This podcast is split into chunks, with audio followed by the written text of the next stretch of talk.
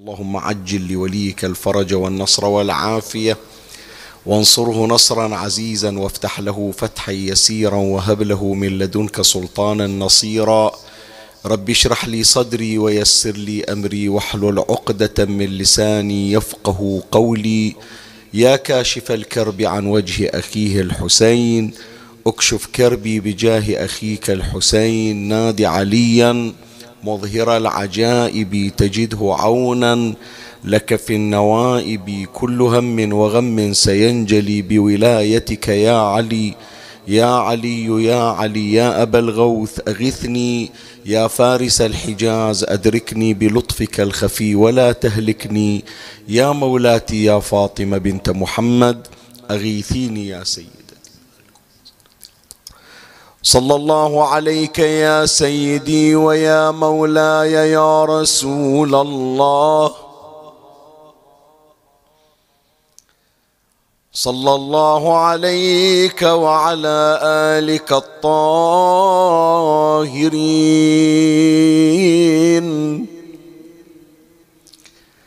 فاز من اعتصم بكم وأمن من لجأ إليكم يا ليتنا كنا معكم سادتي فنفوز فوزا عظيما.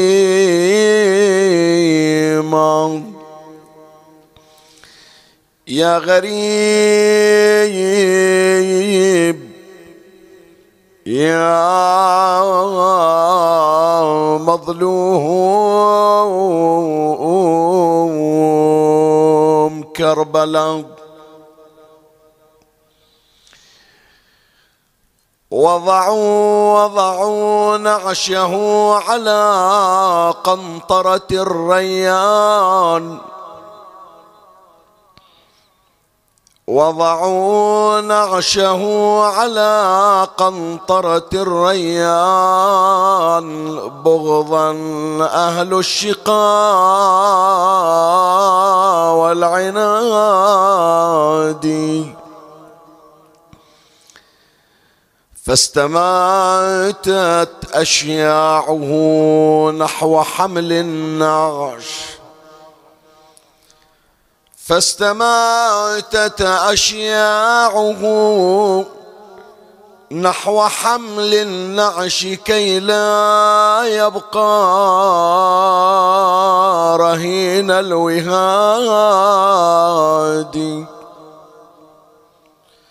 ما بقي مثل جده السبط عاري. ما بقي مثل جده السبط عاري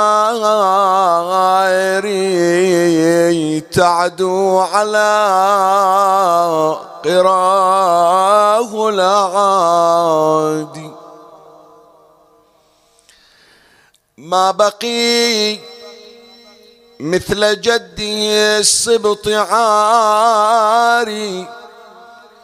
تعدو على قراه العوايد وسراو في نسائه حاسرات.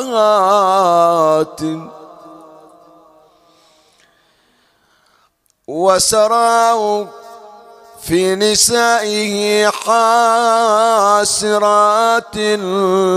يا لقومي بين العدات بوادي. لو تراها يا غيرة الله في الساب وستر الوجوه منها الأيادي. أويلي. عنك يا أبو فاضل ترى قوة خذوني عنك يا أبو فاضل ترى قوة خذوني. خذوني كل ما جرى دمعي على خدي ضربوني. كلكم ضياغم يا اخوتي وتضيعوني. ضيع وحرم ويتام ما يخفاكم الحام عباس معيني من المدينة بذمتك جيت لجلك ولجل حسين عفت الوطايا والبيت. واليوم جيت الكربلة ومني تبريت بعت السهم مني وبليتوني بهالعيام أويلي. تحرك يا شيع صاحب النفس الأبي قالها يا زينب ضيعتك غصبين علي يا عزيزة الكرار عاقتني المنية جثة بلي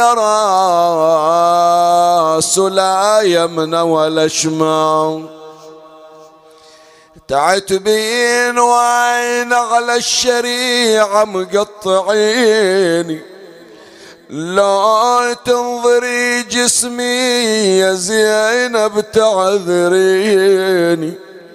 لكن إيش عذرك ماشية وما تجهزيني تخلي الجسم وما تشيلينه بشيء. أنا مو لازم زينب أنا خادم إلكم. لا تحسبيني أخو. بس إذا تركيني ليش تركيني الحسين؟ تخلي الجسم على الثرى وما تجهزينا وليش العزيز حسين عاري تتركينا لم اليتامى وعن ثرى الغبر رفعينا قالت أنا نخيت عدوانك يا سردان ناديتهم يا أبو فاضل ويا ريتني ما ناديتهم. ليش يا زينب؟ صاحت أنا ناديتهم شيلوا الجنايز. يا مسلمين يا مسلمين أثار العدا كلهم بلا مذهب. ولدي طلعوا بخيل الأعوجية وداسة وحسين. وأنا وحيدة وضايعة وما عندي رجال صاحت تنهاب تنهاب تنهاب متى ريح الأخوة علي. تنهاب تنهاب والعدها مثل عباس.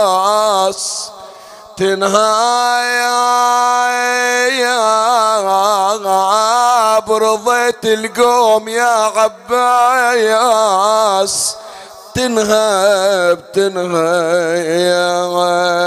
إزاري وصرت إزاري وصرت أدافعهم بدي. إزاري وصرت أدافعهم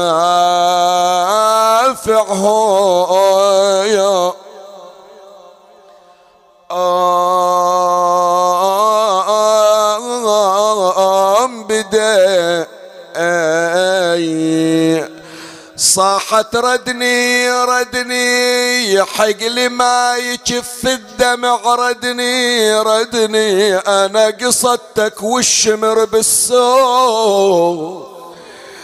ردني يا أبو فاضل جبت زينب يا أخويا قوم. جبتني جبتني من المدينة قوم ردني ترضى الروح لبيوت خلي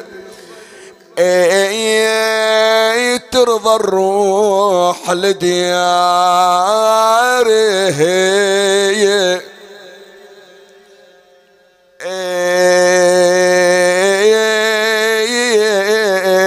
الخلي يوفاي بعد ما أقعد بظل بيت. يوفاي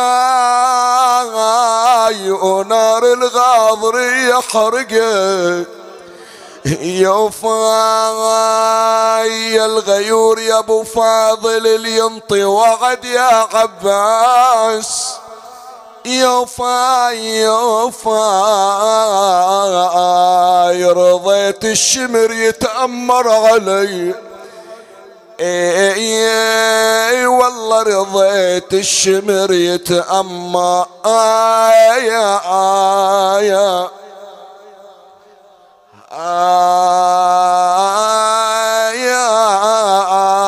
علي إنا لله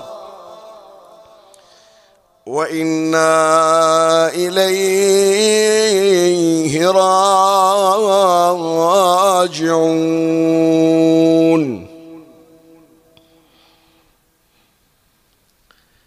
قال سيدنا ومولانا أبو جعفر محمد بن علي الجواد. صلوات الله وسلامه عليه. لأبي الصلت الهروي قال عليه السلام الذي جاء بي من المدينة في هذا الوقت هو الذي أدخلني الدار والباب مغلق.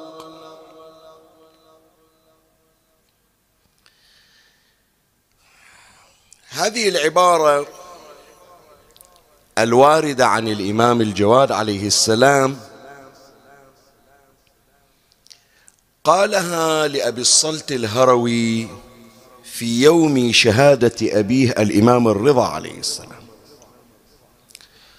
وأصل هذه العبارة أن الإمام الرضا عليه السلام بمجرد أن عاد من قصر المأمون العباسي بعد أن تناول السم وكان يصحبه أبو الصلت الهروي واسمه عبد السلام ابن صالح. جاء الإمام الرضا عليه السلام متوعكا ومتعبا ومنهكا فبمجرد أن دخل الإمام الرضا عليه السلام إلى الدار أمر أبا الصلت الهروي بأن يغلق الأبواب والنوافذ. فابتدأ أبو الصلت يغلق الأبواب وكانت الدار خالية ليس فيها أحد إلا الإمام الرضا عليه السلام وأبو الصلت. فلما تأكد أبو الصلت الهروي بأن جميع الأبواب قد أغلقت جميع النوافذ قد أوصدت في طريق عودته إلى الإمام الرضا عليه السلام فوجئ بشاب كما جاء في الروايات حسن الوجه قطط الشعر أشبه الناس بالإمام الرضا عليه السلام. فحصل عند أبي الصلت الهروي استنكار واستغراب. أولا هذا الشاب من هو؟ ثانيا من الذي أدخل الشاب وكيف دخل؟ لأنه حتما لا يستطيع أحد أن يدخل إلى الدار إلا بإذن أبي الصلت أو أبي الها أو الإمام الرضا عليه السلام. والإمام متعب وقد فرش له فراش. ولا يمكن لأحد أن يدخل الدار إذا إلا بإذن أبي الصلت وهو لم يأذن له. ثم أن أبا الصلت قام بإغلاق جميع الأبواب. فلا يمكن لأي أحد أن يدخل. فالدخول أشبه بالمستحيل. هل الذي خلى أبا الصلت يسأل؟ أولا من أنت؟ يسائل منه أنت؟ يعني أنت مو واحد من أهل الدار دخولك مستنكر.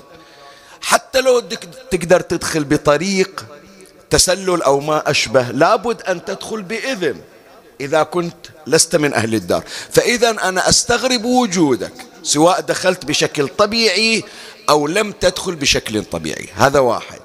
ثانيا الدخول أشبه بالمستحيل. شلون داخل أنت؟ الأبواب مغلقة. لا يمكن لأحد أن يخترق الباب. فذلك الشاب أجاب على أبي الصلت وقال له هذه العبارة الذي جاء بي من المدينة في هذا الوقت هو الذي أدخلني والباب مغلق. قال له المدينة ودخلت والباب مغلق يعني المفروض ما حد يقدر يدخل. أنت دخلت شلون؟ قال أنا حجة الله عليك أنا محمد بن علي.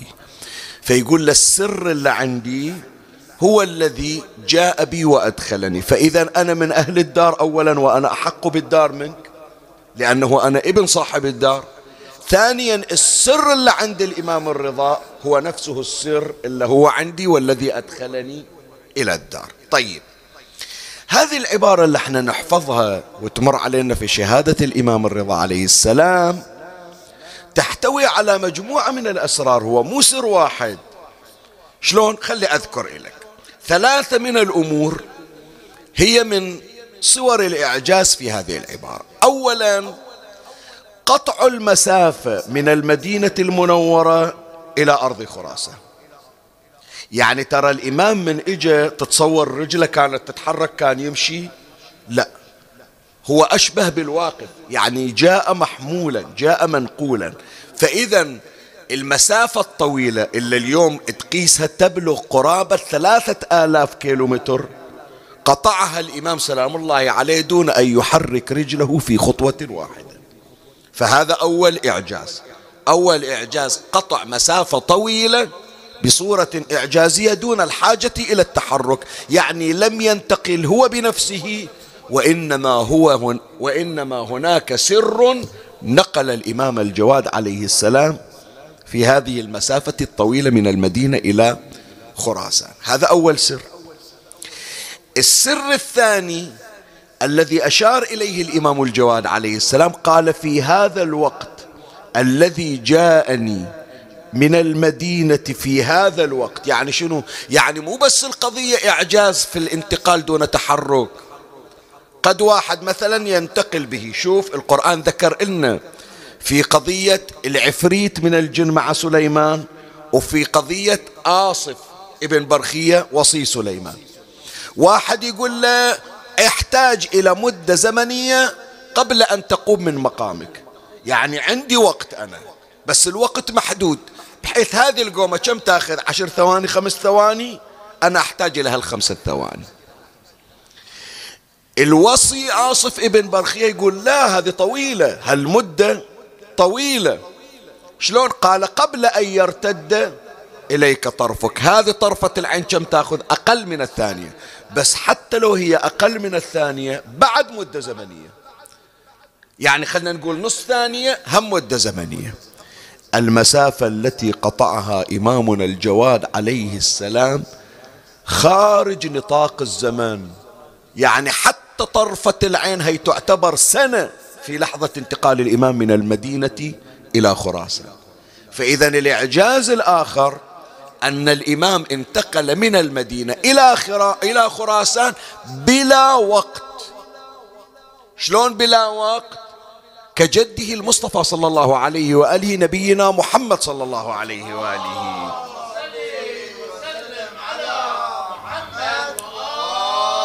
النبي يطلع من بيت أم هاني إلى المسجد الحرام يصعد البراق من المسجد الحرام إلى المسجد الأقصى يصلي في المسجد الأقصى يعرج به من المسجد الأقصى. يأتي إلى سبع سماوات يمر على النار فيرى من يعذب فيها يمر على الجنة فيرى من ينعم فيها يمر على الأنبياء على موسى على إبراهيم. يتحاور مع الملائكة مع ملك الموت مع جبرائيل يصل إلى سدرة المنتهى. ثم يعود شلون؟ قال طلعت النبي وقع إبريق. الإبريق يتدفق منه الماء. كل هالرحلة هذه رجع النبي والماء لا زال يتدفق. شنو يعني؟ يعني ماكو وقت. مو مثل قضية إلا ويا سليمان واحد يقول له قبل أن تقوم من مقامك والثاني يقول له قبل أن يرتد إليك طرفك. فإذا الإعجاز الآخر أن هذه المسافة التي تقدر بثلاثة آلاف كيلو متر من المدينة إلى مشهد هذه قطعها الإمام بلا وقت. خلاص كن فيكون. هذا إعجاز ثاني. الإعجاز الثالث الاختراق في الدخول. الآن الإمام سلام الله عليه شلون دخل؟ هل دخل عن طريق باب؟ هذه أصلا نفسها من الأسرار. شلون؟ أنا أقول لك. إحنا عندنا بعض الأولياء بعض العلماء حينما يأتي شيخ المقدس الأردبيلي رضوان الله تعالى عليه لما أراد الدخول على أمير المؤمنين عليه السلام وكان باب الحرم مغلقا. هذا اللي ينقل الحادثة يقول أراه يأتي إلى الباب أشوف القفل وأشوف السلاسل. من يوقف؟ القفل يتحرك ويوقع. السلاسل تطيح ينفتح الباب. فإذا صورة من صور الإعجاز شني أن الباب مغلق وعليه قفل لكن من يجي الإمام سلام الله عليه؟ القفل ينفتح. هذه صورة إعجازية. لكن صورة دنيا صورة يعني أقل إعجاز. الصورة الثالثة أو العفو الصورة الثانية أنه أصلا ما يحتاج إلى القفل ولا إلى فتح الباب. وإنما يخترق الباب أو يخترق الجدار دون أن يفتح الباب ودون أن يعالج. وهذه صورة ثانية. الصورة الثالثة ما احتاج حتى إلى اختراق الباب ولا إلى اختراق الجدار. أصلا ما وقف على الباب. ولا وقف على الجدار. الذي نقله من المدينة إلى خراسان نقل من موضعه إلى النقطة التي هي عند أبي. يعني تجاوز الأبواب والجدران والطرقات وكل هالمسافة. حتى باب بيت الإمام محسوب من ضمن المسافة التي قطعها الإمام سلام الله عليه. بذلك العنوان الذي يسمى بطي الأرض وكانت هذه الرحلة اللي يعبرون عنها العلماء بأنها رحلة تجهيزه لأبيه. يعني الإمام الجواد ليش اجى إلى خراسان؟ عليه السلام. جاء لعدة أمور. واحدة منها أن يستلم الوصايا والمواريث من الإمام الرضا. والثاني أن يقوم هو بتجهيز والده الإمام الرضا. وطبعا أخفى الله تبارك وتعالى رؤية الإمام الجواد فكان يغسل أباه والناس يظنون أنهم هم الذين يغسلون الإمام الرضا عليه السلام. فلما انتهى من مهمة التجهيز رجع مرة أخرى إلى المدينة. فيسمون هذه الرحلة رحلة التجهيز يذكرون طي الأرض له في تجهيز والده. وهي من الرحلات السرية لأن الإمام يوم راح ما قال لهم أنا محمد بن علي الجواد. خبر بس أبصلت الهروي. وإلا المأمون لا يدري عنه غير المأمون ما يدري عنه. فهي من الرحلات السرية للإمام الجواد عليه السلام. وهذا اللي يدفعنا لبحث هذه الليلة حتى نختم هذه البحوث الشريفة حول سيرة الإمام الجواد عليه السلام. بحث هذه الليلة بعنوان الرحلات السرية للإمام الجواد. راح أذكر لك بعض من تنقل الإمام الجواد ووصوله ووصوله إلى أماكن بعيدة بطي الأرض دون أن يخبر أحدا ودون أن يعلم عنه أحد إلا من قصد لأجله. فراح أذكر لك بعض من هذه القضايا ومن الله أستمد العون والتوفيق ومن مولاي أبي الفضل العباس المدد وألتمس منكم الدعاء وثلاثا بأعلى الأصوات صلوا على محمد وآل محمد. اللهم صل على محمد.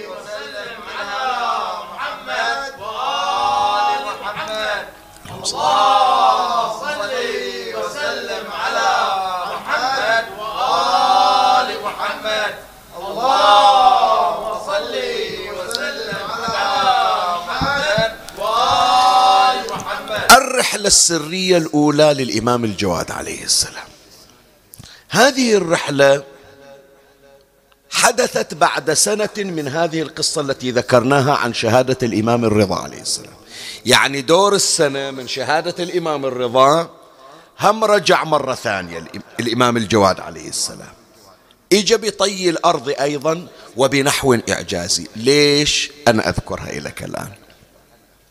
أبو الصلت الهروي كان مع الإمام الرضا عليه السلام. يوم راح الإمام الرضا إلى المأمون في منتصف الليل والمأمون العباسي اغتال الإمام الرضا عليه السلام.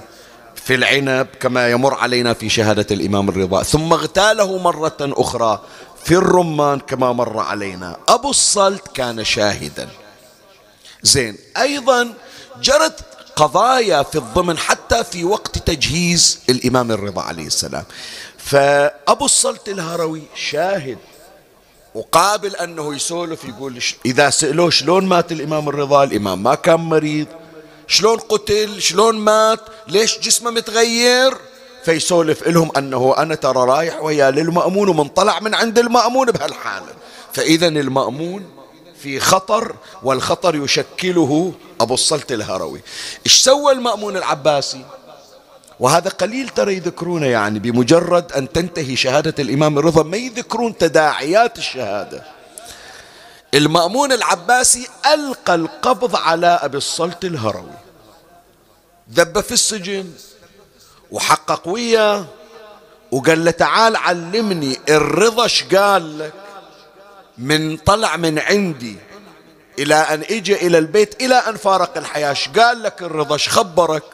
ثم هل إجى الإمام الجواد؟ لو ما إجى وتعرض إلى عملية استجواب ثم عذب بأن وضعت عليه القيود والأغلال. هو ما اعترف ولا حكى قال أنا أبدا أنا مجرد خادم. وأنا يوم اللي دخل الرضا عندك دخلت أنا وياه لو واقف على الباب. قال له لا أنت على الباب. قال إيش دراني؟ إيش صار؟ ما صار. قال لا سولف إلنا. من طلع الرضا إيش قال؟ قال ما يسولف إلي. كلما ألح عليه المأمون العباسي أبى أبو الصلت أن يجيبه. فقال له طيب انت لا تجاوب لا تحكي لا تعترف راح أذبك بالسجن إلى أن تسولف. فبقي أبو الصلت الهروي في السجن والأقياد في يديه سنة كاملة. حرف واحد ما نطق. حرف واحد ما حكى. وكل مرة يزيدون عليه القيود والأغلال يعذبونه عود يعترف. دور السنة يوم من الأيام أبو الصلت قام يسولف ويا نفسه. يقول الظاهر هي مو سنة كان القضية مطولة والظاهر ما راح يطلعوني إلى أن يأتيني الموت. وما أدري أنا الآن هالسنة هذه تصير عشر سنين تصير عشرين سنة. وإذا أنا الآن سنة صابر ما حكيت عقب عشر سنين إيش راح يصير؟ إيش راح يمر علي من بلاء من تعذيب. زين خاف أضعف فضاق صدر أبي الصلت الهروي. فراد يطلع. راد يطلع مو طمعا في الحرية وإنما يقول أخاف أنه يجرون من عندي كلمة ويتأذون أهل البيت بسببي. فلما ضاق صدره الآن شي طلعني منو عندي؟ منو ما عندي؟ اتذكر دعاء معلمنا الإمام الرضا عليه السلام إلى وهو توسل بمحمد وآل محمد صلوات الله عليه.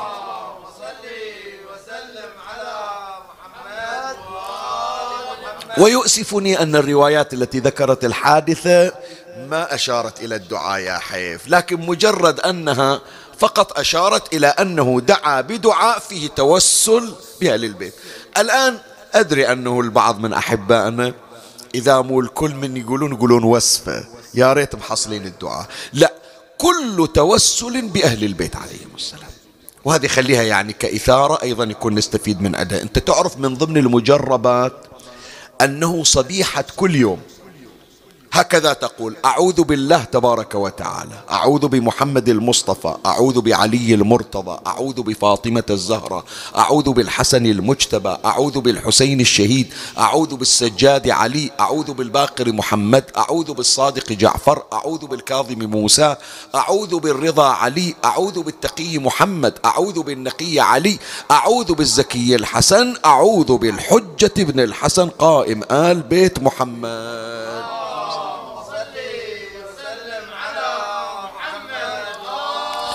أعوذ بهم مما أخاف وأحذر وما لا أخاف وأحذر فيكفيك الله شر ذلك اليوم وما فيه من سوء ومكانه إيه مجرد الاستنجاد بهم.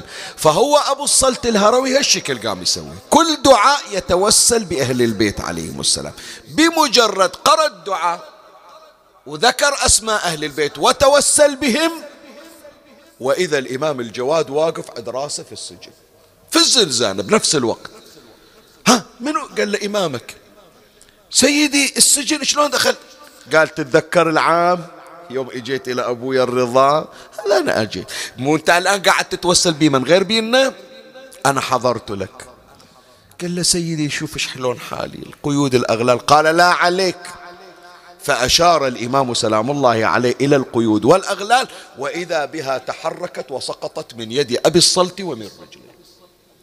اللهم صل على محمد. وسلم على محمد قال له قوم أبا الصلت. قال له وين نقوم الباب مقفول. قال أي باب؟ إلا فتح القيود والأغلال ما يفتح الأبواب. قال مو قضية الباب انفتح وهالعساكر الواقفين شلون؟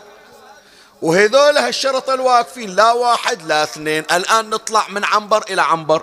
قال له قوم ما عليك. فقام أبو الصلت الهروي مع الإمام الجواد عليه السلام وخرج من السجن والعساكر وقوف.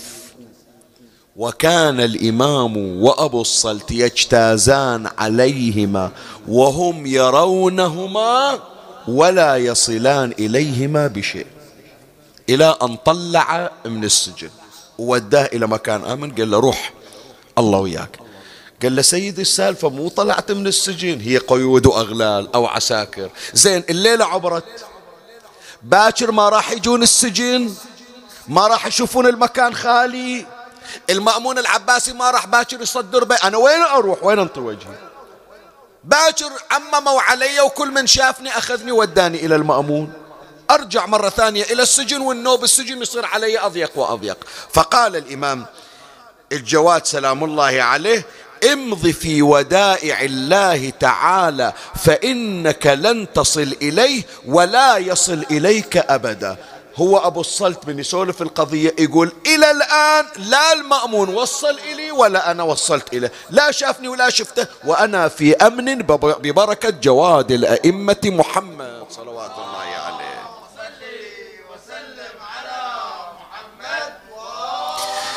زين خلنا نوقف عند هالكلمة لأن هذه الرحلة غير قلنا الرحلة الأولية رحلة الإمام إلى خراسان كان رحلة تجهيز إلى أبيه هذه الرحلة رحلة تفريج الكرب. هذه الرحلة رحلة تنفيس الهم والغم. الواحد من يطيح بشدة الإمام يتعنى له الإمام يقصده الإمام يروح له. بعضهم يقول شي يوديني إلى الكاظمية؟ حتى أتوسل بالإمام. لا كما جاء الإمام الجواد سلام الله عليه لأبي الصلت الأهروي فصار سببا في تفريج همه وتنفيس كربته. كذلك إذا استعنت بالإمام الجواد سلام الله عليه الله تبارك وتعالى يفرج عنك الكربة وينفس عنك الهم. وهنا إشارة مهمة حطوها في بالكم. هذه إشارة ولائية. الليلة يا ريت يا أحبائي. إذا قدرتوا تسجلونها وتدونونها تضمونها إلى عقب شهر. لأن الآن شقد باقي على عاشور؟ شهر واحد. وفقنا الله وإياكم لنكون من, ألو... من المواسين لإمامنا صاحب العصر والزمان. وشوية بعد يعني ما يخالف ما دام مرينا هي كلها إثارة. وأنا هذا عادلنا إلى أنه راح أسولف بيه قبيل محرم للتهيئة الروحية. بس من الآن خاف أن بعض من اللي ويانا الآن. في البث الافتراضي ما يلحقون. إن شاء الله ما ننحرم من وجودكم. لكن من الآن يكون تفكرون فيها وتهيئون أنفسكم. الكل من عندنا يتمنى أن يكون من الباكين على الحسين. سلام الله عليه. مو تمام؟ ليش؟ هدفك من البكاء شنو؟ شيخنا ثواب. مو تمام؟ بعضهم لا يرتقي عن هالمستوى. يقول لا لأني أنا أحب الحسين. حتى لو ماكو ثواب من وراء بكائي بس هذا البكاء يعبر عن محبتي للحسين هم راضي. هذا اللي قال الشيخ تبكيك عيني أحسنت لا لأجل مثوبة لكنما عيني لأجل على حسابك يا أبو علي على حسابك اللي قدمته مو قليل. شنو قيمة دموعنا؟ حتى لو ما وراها ثواب. أصلا نستحي ناخذ ثواب. كأنما القضية مقايضة وإنت يا حسين عطيتنا كل شيء وإحنا ما عطيناك شيء. تمام؟ هذا قسم ثاني. القسم الثالث اللي هو أرقى. شوف التهيئة اللي أقول لك. هذا حكي عاشورائي بس الآن نختم هذا الشهر بالتهيئة إلى محرم القادم. أحبائي من نبكي خلي يصير عندنا هذا الشعور. أننا نخفف من وطأة الحزن على قلب إمامنا صاحب العصر والزمان. الحجة بن الحسن عجل الله فرجه الشريف. شايف انت بعضهم ليش أوديك إلى محرم اليوم؟ اليوم اللي كانوا يتابعون المجلس. عندنا شافوا بعض أولادنا الله يوفقهم ويحفظهم تكاد أرواحهم أن تخرج من أجسادهم حزنا على مصاب آل محمد. هذا إذا اليوم شهادة الإمام الجواد هالشكل يوم عاشر شي يسوي بنفسه؟ فإذا واحد من شيعة الإمام ما شاف الإمام الحسين بس يسمع مصرع الإمام الحسين أو مصيبة الإمام الحسين هالشكل يصير بحاله. إمامنا صاحب الزمان شو يصير بحاله؟ فلأبكين عليك بدل الدموع دما ولأندبنك صباحا ومساء. إلى متى؟ إلى أن يخلص الخطيب؟ قال لا حتى أموت بغصة الاكتئاب ولوعة المصاب فأنت يعني تصور شوف إيش أقول لك. وينكم عشاق مولاي الحجة؟ أحكي وياكم اللي يسألون عن وضع الإمام عن حال الإمام. تدري الإمام كل ما يتذكر جد الحسين تكاد روحه أن تخرج من جسده. تكاد روحه أن تخرج من جسده. فأنت من توفق للبكاء على الحسين وحط هذه كخطة مستقبلية إلى عاشوراء القادم. أنه أنا أبكي وأكثر من البكاء حتى أقاسم إمامي الحجة. أقول له سيدي شوية من ثقل المصيبة اللي على قلبك أعطني شوي من عنده. حتى أخفف عليك فأكون من ضمن خدامك الذي ساعدك. الإمام ما يحتاج إلى ماعون يغسلون إليه ولا إلى حذاء يرفعون إليه بس أنت من تخفف عليه جمرة مقتل الحسين عليه السلام. هي هذه من أروع الخدماء الخدمات. هم تقربك إلى الله وتقربك إلى السادة الأطهار محمد وآل محمد صلوات الله عليهم.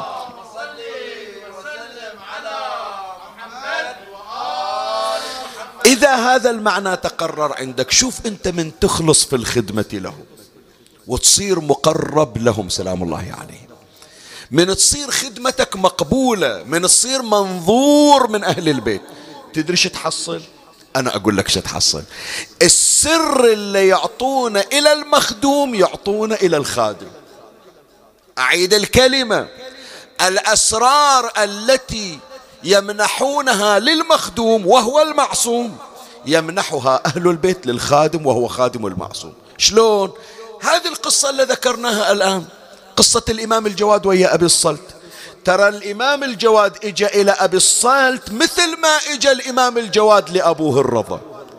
بس كأنما الإمام الجواد يقول لأبو الصلت أنت أخلصت في خدمتنا فنعاملك كما نعامل أنفسنا. أعيد الكلمة.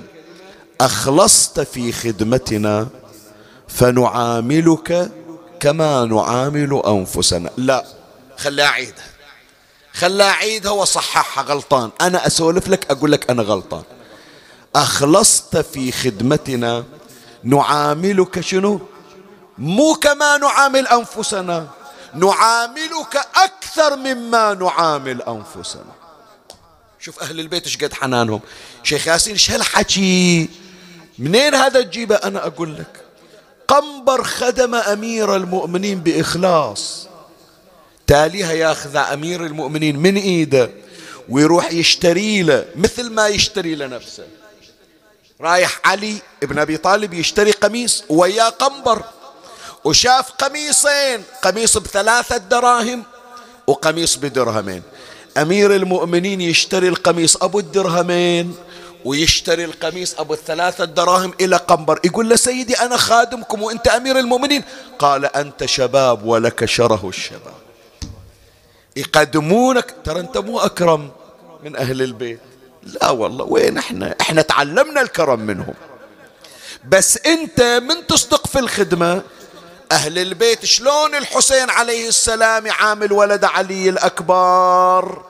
لا يعاملك كما يعامل علي الأكبر بل أكثر. قبل أن يضع حسين خده على خد علي الأكبر وضع حسين خده على خد جون. حتى قال له جون من مثلي وخد ابن فاطمة على خد فاصدقوا يا أحبائي من الآن تشتغلون على أنفسكم وتعقدون النية أنه تكونون من خلص الخدام مو من مجرد الخدام من خلص الخدام. حتى أسرار آل محمد التي يتعاملون بها يتعاملون بها معكم. فيفرج الله تبارك وتعالى عنا الكربات ببركة محمد وآل محمد صلوات الله عليه.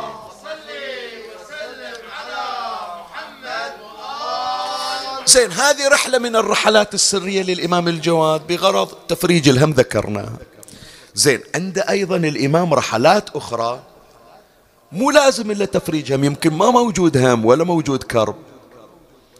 لكن هذا الشخص اللي يتعنى للإمام ويسافر للإمام بحاجة إلى إدخال سرور. ما شاف يوم فرح ما شاف يوم سرور. وصادق في المحبة وفي الولاء. فأهل البيت يوم من الأيام يضمون له فرحة ليس كمثلها فرحة وسرور ليس كمثله سرور. فمن رحلات الإمام الجواد السرية أنه يسافر سرا لإدخال السرور على بعض المؤمنين. أي أيوة والله إن شاء الله إن شاء الله نحصلها من الإمام الجواد. أي أيوة والله يفرحنا ويفرح المؤمنين ويفرحونا بالفرحة التي تأتيهم عن طريقه صلوات الله عليه. يعني. شلون؟ أذكر لك هذه القضية. شخص اسمه علي بن خالد. يقول أنا جاي يوم من الأيام إلى العسكر. العسكر يعني سامراء وإذا أسمع الناس تسولف بالطرقات بالشوارع بالأسواق شنو قالوا؟ ملقين القبض على شخص ذابين بالسجن. شو مسوي؟ قالوا ما تدري شو مسوي؟ يدعي بأنه نبي. شنو يدعي أنه نبي؟ شنو يدعي أنه نبي؟ قالوا إيه؟ واحد من الشام ألقي القبض عليه ورئيس الاستخبارات عندنا محمد بن عبد الملك الزيات أمر بأن يسجن ويمكن يقتلونه لأنه يدعي النبوة. قال هذا حكي ماخذ خيره. شنو واحد يدعي النبوة؟ قالوا إيه هذا اللي صار؟ قال خلي أروح أتأكد. شوف الناس اللي عندهم تثبت وتروي قبل أنه يتبنون أي إشاعة خصوصا إذا كانت إشاعة يا إخواني تسقط الإنسان. هذول يخافون الله. هذا علي بن خالد كان شيعيا زيديا. يعني لا يرى إمامة محمد الباقر ولا يرى إمامة الإمام الصادق ولا الكاظم ولا الرضا ولا الجواد. بس راح يريد يشوف شنو القضية. اجى إلى السجن تعرف على بعض السجانين تلاطف وياهم قال أريد أشوف هذا اللي يقولون عنه نبي إلا من الشام قالوا لا شيء لك بي؟ قال أريد أشوف شنو قضيته. قالوا زين. إحنا نطببك عليه تقعد تسولف وياه بس بسرعة لأنه خطر يصير علينا. قال ما أطول. فالسجانون أدخلوا علي بن خالد إلى السجن سجن سامراء ما إجا وإذا هذا واحد والسلاسل بإيدينه وبرجلينه وحاط إيده على رأسه ودمعته على خده. من دخل؟ سلام عليكم عليكم السلام. صدق أنت نبي؟ قال عمي أي نبي؟ شنو نبي؟ أنا ما أعرف أن الذي يدعي النبوة هذا كافر هذا يكذب على الله وعلى الرسول. ما هي علاقة بهالقضايا زين ولا يحجونه؟ قال قضية مفبركة. قال ما علي من اللي يحجونه. أنت سولف إلي. شنو القضية؟ قال أنا أقول لك. أنا رجل شيعي من أهل الشام. أهل الشام تعرف. بلد ناصبي. بس أنا ضام التشيع. ومن أريد أتعبد تدري وين أروح؟ قال وين تروح؟ قال أروح إلى مقام رأس الحسين عليه السلام. ما أقدر أروح بالنهار.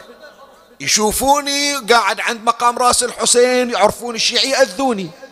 فأجي بالليل وأصلي صلاة الليل عند مقام رأس الحسين وأبكي على الحسين وأزور الحسين. والفجر أصلي الصبح وأمشي.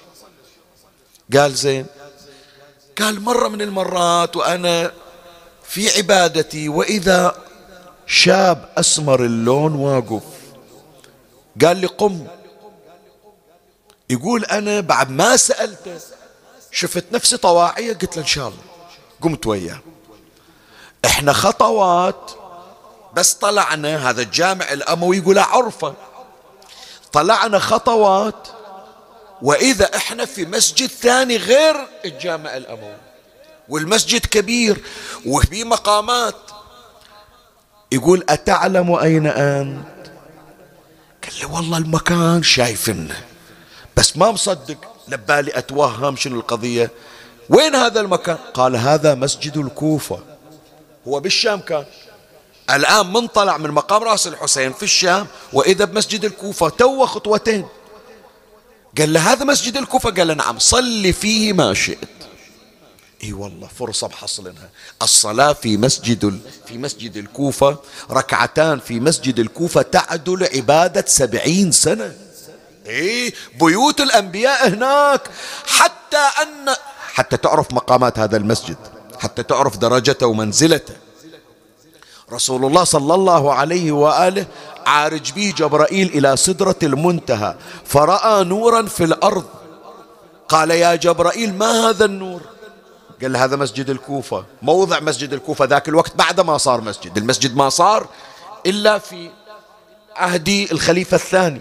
بس شاف نور الموضع. قال يا جبرائيل استأذن لي من ربك أن ينزلني لأصلي ركعتين. مع العلم النبي وين؟ في السماوات العلى عند سدرة المنتهى. بس طمع النبي في فضل ذلك المكان. فأذن الله تبارك وتعالى فأنزل جبرائيل رسول الله صلى الله عليه وآله في مسجد الكوفة وصلى. إذا رحت إلى مسجد الكوفة تشوف أكو هناك مكان اسمه مقام النبي محمد صلى الله عليه وآله.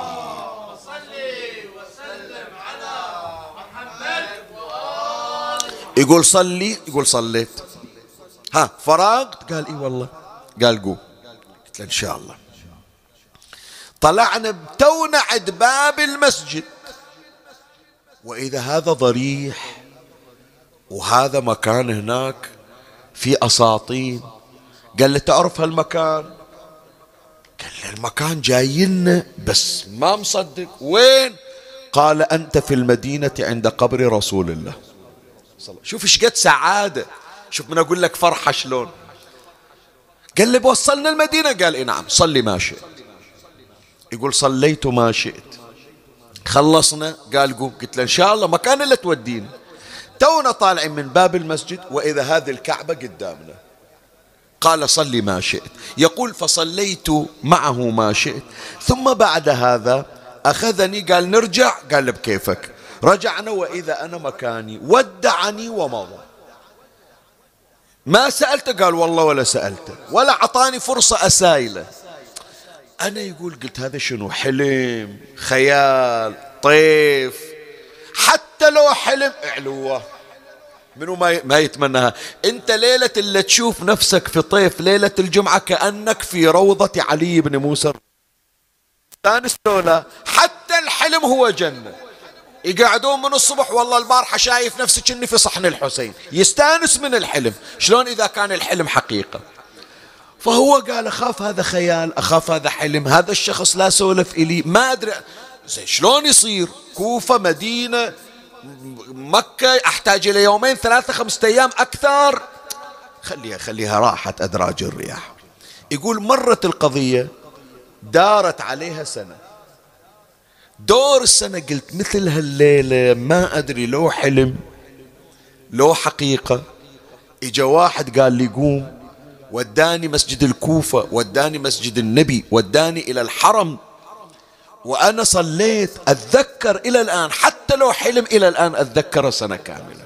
لو يجيني السنة وإذا هذا الشاب واقف على رأسه.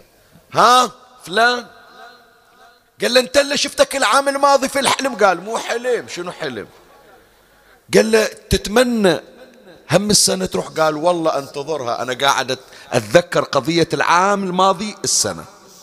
قال له قم معي. يقول فأخذني. مثل ما أخذني العام الماضي. مسجد الكوفة مسجد النبي جابني إلى المسجد الحرام ثم أرجعني مثل العام الماضي. هالمرة قلت ما أخلي. إلا عام عبرت السنة ما تعبر. بس أريد أعرفه. لما أراد أن ينصرف تعلقت بأذياله. قلت بالذي من الله بك علي. من أنت؟ قال أنا إمامك محمد بن علي الجواد. أنت واحد قاعد بالغربة وبالخوف. شنو إحنا ننساكم؟ إحنا وياكم ترى. فأنا إجيت حتى أدخل شيء من الفرحة والسرور على قلبك. يقول أنا بعد ما مصدق بس قال لي الإمام اكتم دير بالك لا تطلع لأنه هذا الأمر يحتاج إلى كتمان. بس أنا من فرحتي ما مسكت لساني.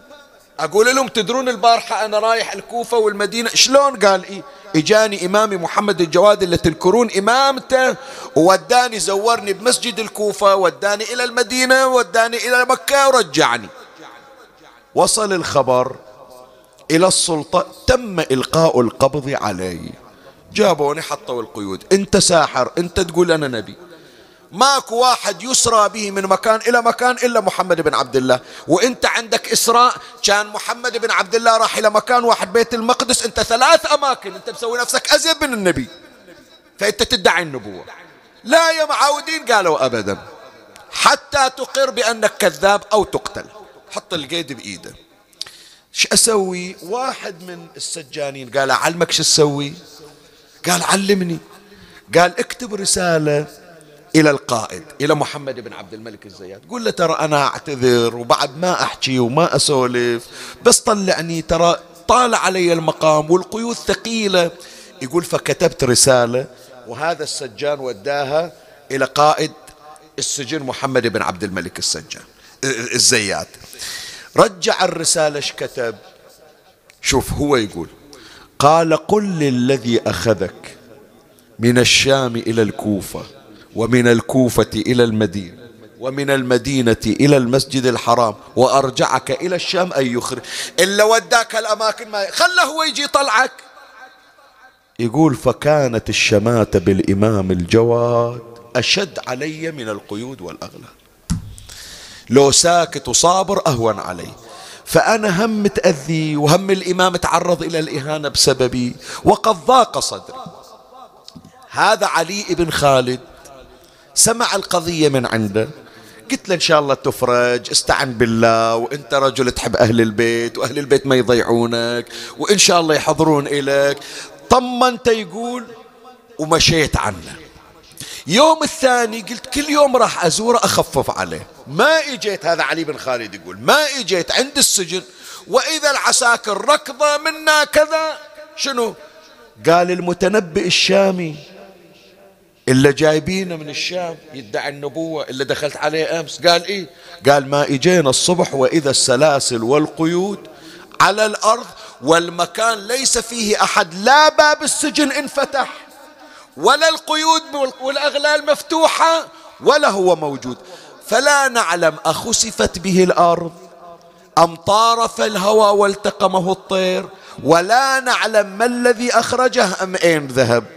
علي بن خالد قال فعلها والله محمد بن علي الجواد إيه اللي يقول خلي اللي وداك يطلعك. صدق اجى طلعه. يقول علي بن خالد فمنذ ذلك اليوم اعتقدت بإمامة إمامي محمد بن علي الجواد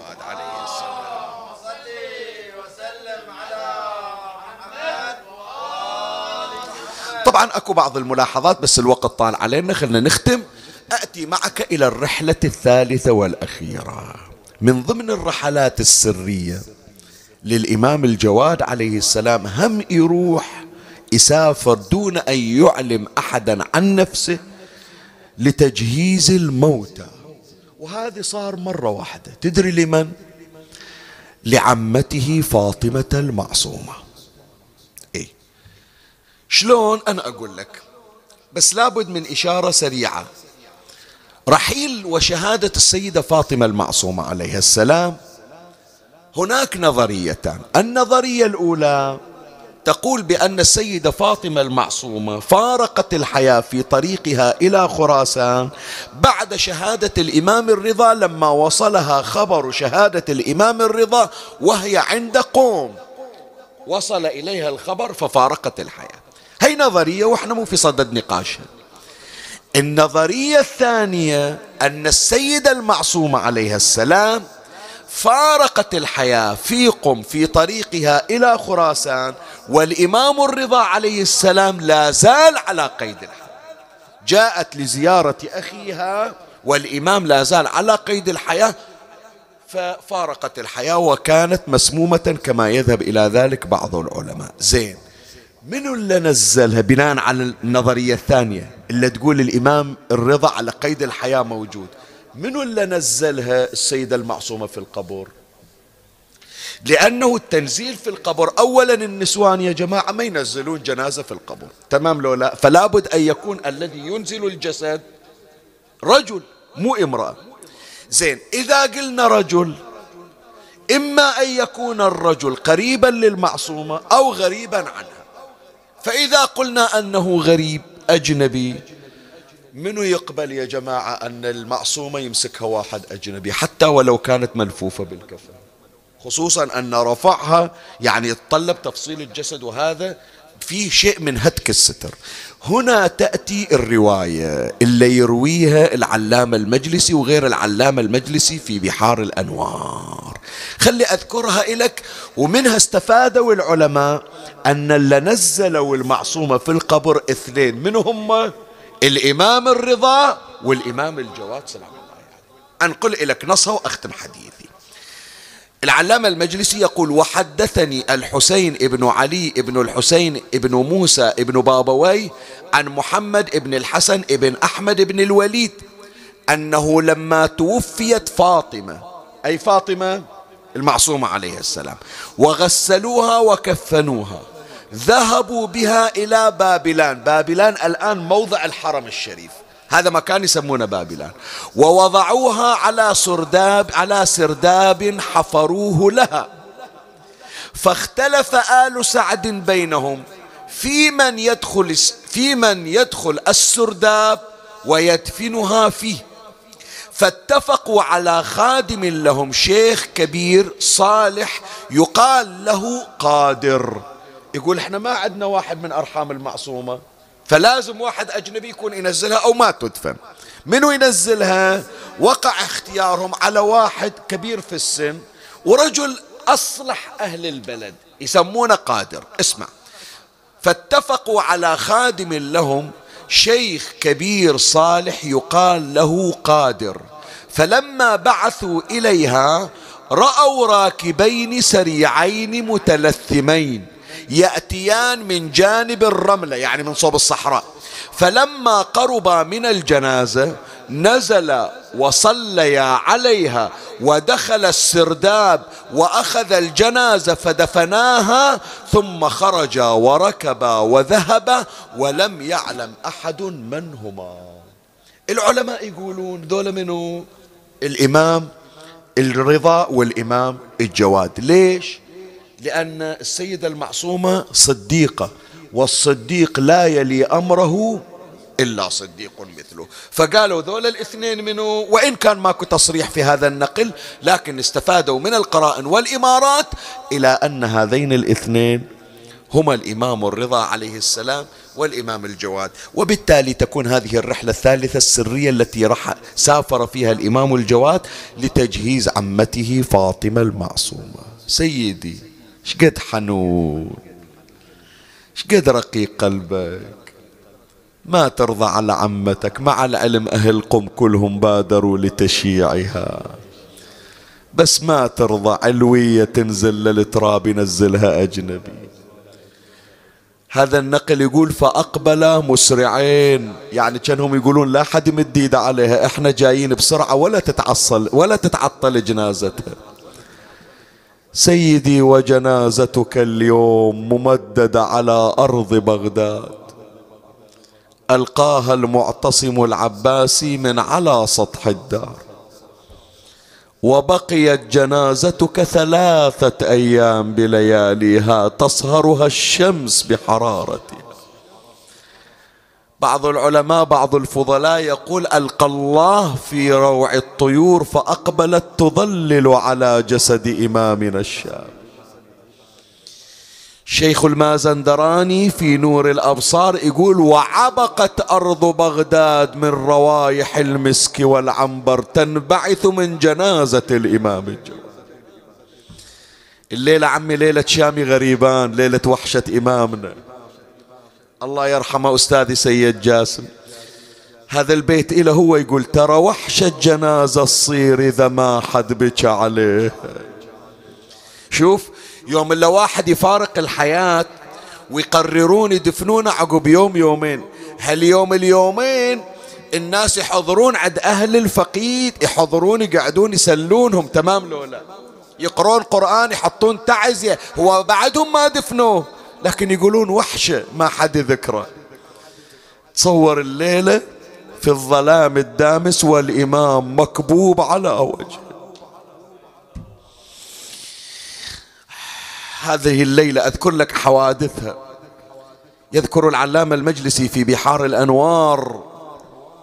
يقول الإمام الهادي بعد طفل صغير ثمان سنين عمره تقريبا سبع سنين عمره كان في الكتاب عند معلم المعلم يجيبه إلى البيت المعلم يجي إلى البيت ويقرأ على الإمام الهادي عليه السلام والإمام الهادي عنده لوح يكتب فيه القراءة. مرة واحدة هذا المعلم قاعد يملي على الإمام الهادي وإذا الإمام خلى ذاك اللوح وإذا بدموعه تجري على خده. التفت إلى المعلم قال له بس أدخل البيت شوية وأطلع إليك. قال له إيش صاير؟ قال الآن أجيك. يقول قام الإمام الهادي وهو طفل صغير فدخل إلى الدار وإذا الدار ضجت بالبكاء والنحيب وإماما. وخرج الإمام الهادي وبيده منديل أسود يكفكف به دموعا قال له سيدي خير صاير؟ قال الساعة مات أبي محمد الجواد إيش دراك مولاي؟ أنت بالمدينة. وأبوك في بغداد إيش دراك عنه قال تداخلني من جلال الله ما لم أكن أعرفه. حسيت وفي بعض النقولات قال أحسست بذلة في قلبي ما كنت أعرفه. الله لا يروع قلوبكم ولا يروع عيالكم. ضجت بنات رسول الله الليلة حنين في بيوت الرسالة. هذا ما شافه الإمام الجواد بس خبرهم الإمام الهادي. فما حال فاطمة بنت الحسين حينما رأت أباها ليلة الحادية عشر قطيع الرأس؟ يقول حميد بن مسلم نظرت إلى طفلة تعدو والنار قد استعرت في ثيابها. فصرت أركض خلفها أريد أن أطفئ النار. هي شافتني من وراها قامت تركض. وأنا أركض من خلفها حتى توقفت. فلما أتيتها نادت يا شيخ لا تضربني فأنا يتيمة الحزن. قلت بني أمن الله خوفك. لست أريد بك السوء. قالت يا شيخ هل قرأت القرآن؟ قال بلى قرأته. قالت فهل مررت على قوله تعالى؟ فأما اليتيم فلا تقهر وأما السائل فلا تنهر. قال إيه قريته؟ قالت أنا يتيمه وسائله زين يتيمة من أنت؟ قالت أنا يتيمة الحسين حرموني من ابويا كل ليلة أبيت على ذراع الليلة لا والله مبيت في البر والسوط على ذراعي. قال زين يا يتيمة افتهمنا. سائلة إلك حاجة؟ قالت بلى يا شيخ خذني إلى نهر العلقمي فقد تفتتت كبدي من شدة العطش عطشانة ثلاثة أيام ما شاربة ماء. اليوم عمي راح يجيب لي الماي ما رجع أبويا راح يجيب لي الماي ما رجع. إي من عيوني تدللي. أنا أنا وديك المشرعة أخذها حميد بن مسلم جاء بها إلى نهر الفرات قال قعدي الآن أجيب لك الماي نزل إلى النهر ملأ قدحا من الماء. ناوله فاطمة بنت الحسين. علوية شربي. صارت تنظر إلى الماء دموعها تتقاطر. غير عطشانة. ضربنا مشوار يلا وصلنا المشرعة. شرب الماي قالت يا شيخ كيف أشرب الماء وقد قتل أبي الحسين؟ عطشان. حاشا حاشا أنا أشرب لذيذ الماي. حاشا وأهلي قضوا كلهم. عطاش أبويا الرمل صاير. فراش عطشان ما بل الحشاش زين الماي ما تريدينه؟ قالت الماي آخذه. مو أنا اللي اشربه أوديه إلى ابويا الحسين. أخذت قدح الماء أقبلت حتى وصلت إلى جسد مقلوب وهو جثة بلا راس. صارت تدير الماء على نحر الحسين. صاحت يا ابويا خيامنا بعيدة علي. بويا قوم رجعني ما دل الدرب يا بويا خيامنا بعيده علي. يا ابويا امست علي. المسية أنا منين جتني الغاضرية؟ راحة وهلي من بين يدي. أنا أدري أنت تنتظر أي بيت. بس الأمهات من يسمعوني الآباء من يسمعوني وأولادهم الصغار صوبهم إن شاء الله ما يوم تسمع ابنك يقرأ هالبيت إلا على الحسين. يا والدي والله هضيمة هضيمة أنا صير من صغري. يتيمة أثار الأبو يا ناس خير بينما هي عند أبيها وإذا بامرأة أقبلت وهي تنادي أين أنت يا فاطمة؟ مني؟ زينب زينب وصلت. زينب ما نامت ذيك الليلة بس تدور هل يتيم وهل يتيمة؟ أقبلت مولاتي زينب وإذا بها ترى حسينا جثة بلا رأس. ولا لن اليتيم حاضنا الجثة وتنادي ضيعتني يا أبوي ما بين العاد بويا بويا ضربونا وشتتونا بكل وعد. وطاحت على الطفلة وحضنتها بليده وويلا تقلها طلعتك يا ما ذوبتني. وأنا غريبة والمصايب شيبتني. صاحت يا عم ريت روحي فارقتني. ولا أشوف أبويا بهالأحوال اللي تشوفي. عم يا ريتني جنازة صوب أبويا. ولا اشوفه بمثل هالحالة. أي حالة؟ قالت شوفيه شوفيه حتى تعرفين بأي حالة. قالت لا فاطمة ما أقدر أشوفه. أنت سولفي لي. إن شاء الله عمه خلي أسولف لك. أنت لا تشوفين أبويا لكن أنا أسولف لك أبويا شلون حالة. جثة بلي راس مرمي فوق غبر. جثة بلي يا راس مرمي فوق. غبرة من قطع وصالة ومنه حز نحر. بالرخصة من عندك. شوفي يا عم مكسر ضلوعه. بصدره جثة على التربان لا راس وليده الله يساعدها زينب. صاحت يا نايم عثر عاين احوالي من هلة ضامت مثل ضيم يا والي. يا أبو علي عقب الخدر أختك بقت من غير. ولي ولي وبديار غربة يا خلق ضيعني حسين. أخذتها زينب رجعت إلى بقايا الخيمة المحترقة. بيت واحد أقرأ. بنية قضاء الحاجة. يكون تبشرون الليلة وباكر.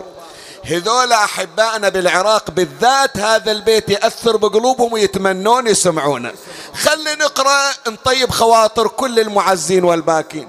اسمع زينب ذيك الليلة شو تصيح. أمس المساء والنار آر ما خلت لنا خيام. صيوان ما ظل تلتجف فيه هليتا الله رغبة جماعية أظلم علي الليل وازدادت الوحش. ما أشوف غير ايتام تتصارخ بدهشه. وين أخوك شيخ العشير حسين؟ ما حد شال. مطروح وبجنب علي الأكبار جسام وين ما قاعدين بصوت واحد ويا زينب بقيت محيرة وصف قبلي. لا عباس يبرالي. شي يصير بيها؟ يضربوني من أبكي وتدمع العين يا خويا الصوت بمتوني تكسر. أنعم جوابا يا حسين. أما ترى شمر الخنا بالصوت كسر أضر اللهم صل على محمد وآل محمد. يا من يملك حوائج السائلين ويعلم ضمير الصامتين. لكل مسألة منك سمع حاضر وجواب عتيد. اللهم ومواعيدك الصادقة وأياديك الفاضلة ورحمتك الواسعة فأسألك أن تصلي على محمد وآل محمد وأن تقضي حوائجنا للدنيا والآخرة. قدموا حوائجكم يا إخواني. اذكروا المرضى اذكروا أصحاب الحوائج المحرومين من الذرية. ادعوا للأولاد للبنات. ادعوا الله تبارك وتعالى أن يستر على أولادنا وبناتنا وأن يرزقهم التوفيق والنجاح في حياتهم وفي آخرتهم. إلهي بمحمد وعلي وفاطمة والحسن والحسين وعلي ومحمد وجعفر وموسى وعلي ومحمد وعلي والحسن والحجة ابن الحسن. اقض حوائجهم اشف مرضاهم داوي جرحاهم أد عنهم الدين أغنهم من الفاق ارزقهم الذرية الصالحة أصلح, أصلح لهم شؤون الدنيا والآخرة. اللهم وفقنا وإياهم لرؤية وجه إمامنا صاحب العصر والزمان. شرفنا برؤيته وارزقنا شرف خدمته. وارض اللهم قلبه عنا فإن في رضا قلبه رضاك. ترحم على امواتي وأموات الباذلين. المؤسسون لهذا المجلس الشريف أينما كانوا. اللهم ارحم موتاهم اللهم بارك في أرزاقهم اللهم اقض حوائجهم. بلغ موتانا وموتاهم وموتى المؤمنين والمؤمنات ثواب هذا المجلس وثواب الفاتحة مع الصلوات.